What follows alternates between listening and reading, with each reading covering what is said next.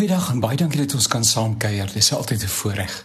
Psalm 37 vers 3. Vertrou liewer op die Here en doen wat goed is, woon en werk rustig voort.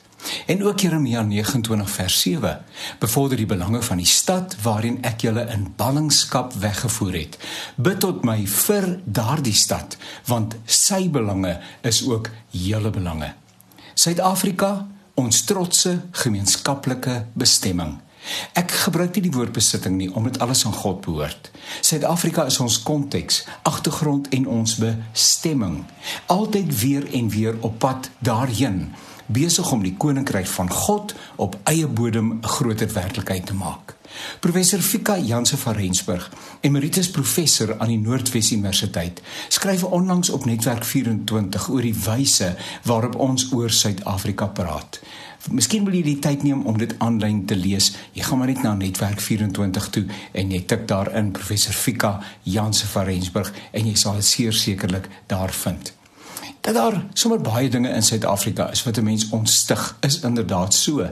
Nuus lees aanlyn of harde kopie is dikwels 'n uiters ontstellende ervaring. Want die vlakke van misdaad, korrupsie, gebrek aan politieke wil en dissipline, integriteit ensovoorts wil mense in 'n toestand van troostelose hulpeloosheid op die grond laat neerval. Maar miskien moet ons liewer op ons knieë neerval neersak want die Here bemoedig mense altyd weer Die psalmdigter sê dat God sommige van die volkere se opstand, rebellie en arrogansie lagwekkend vind en dit geld ook vir mense wat Suid-Afrika op die verkeerde uh, koers stuur.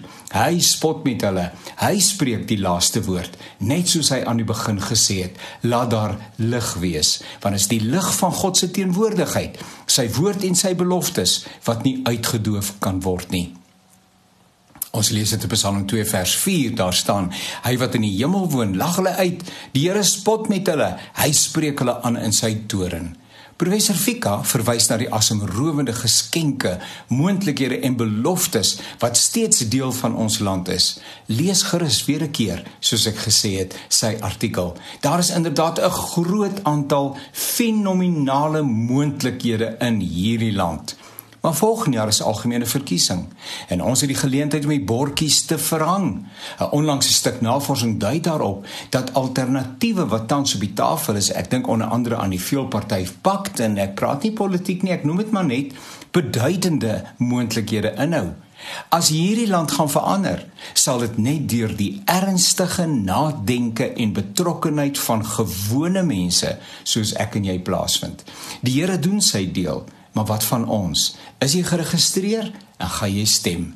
Die Bybel is van begin tot einde kontekstueel getrou. Wie die septer swaai en geswaai het, het altyd die konteks gevorm waarbinne gelowiges hulle mandaat moes uitleef.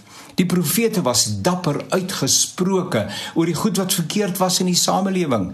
Nee, gelowiges moet aktief aan die gemeenskapslewe deelneem soos wat dit dwarsteer die Bybel plaasgevind het. Kom, liewe broer en suster, kom ons maak die verskil.